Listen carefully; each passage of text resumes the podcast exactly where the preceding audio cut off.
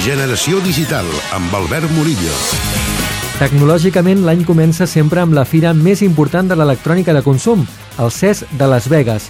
Les tendències en televisors, mòbils, videojocs, jeans com rellotges o roba intel·ligents es marquen en aquesta fira i aquest any hem pogut veure un parell de tecnologies que no està molt clar que tirin endavant. Un cas són els televisors, tots connectats, plens d'aplicacions i amb una tendència de 50 polzades cap amunt.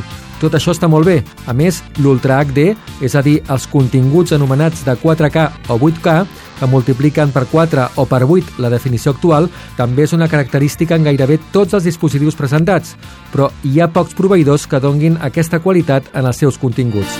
Una de les novetats més curioses en els televisors d'aquest any és la consolidació a través d'algunes marques, com LG i Samsung, de la fabricació de pantalles corbes, que en un cas concret la pantalla es fa corba quan tu vols.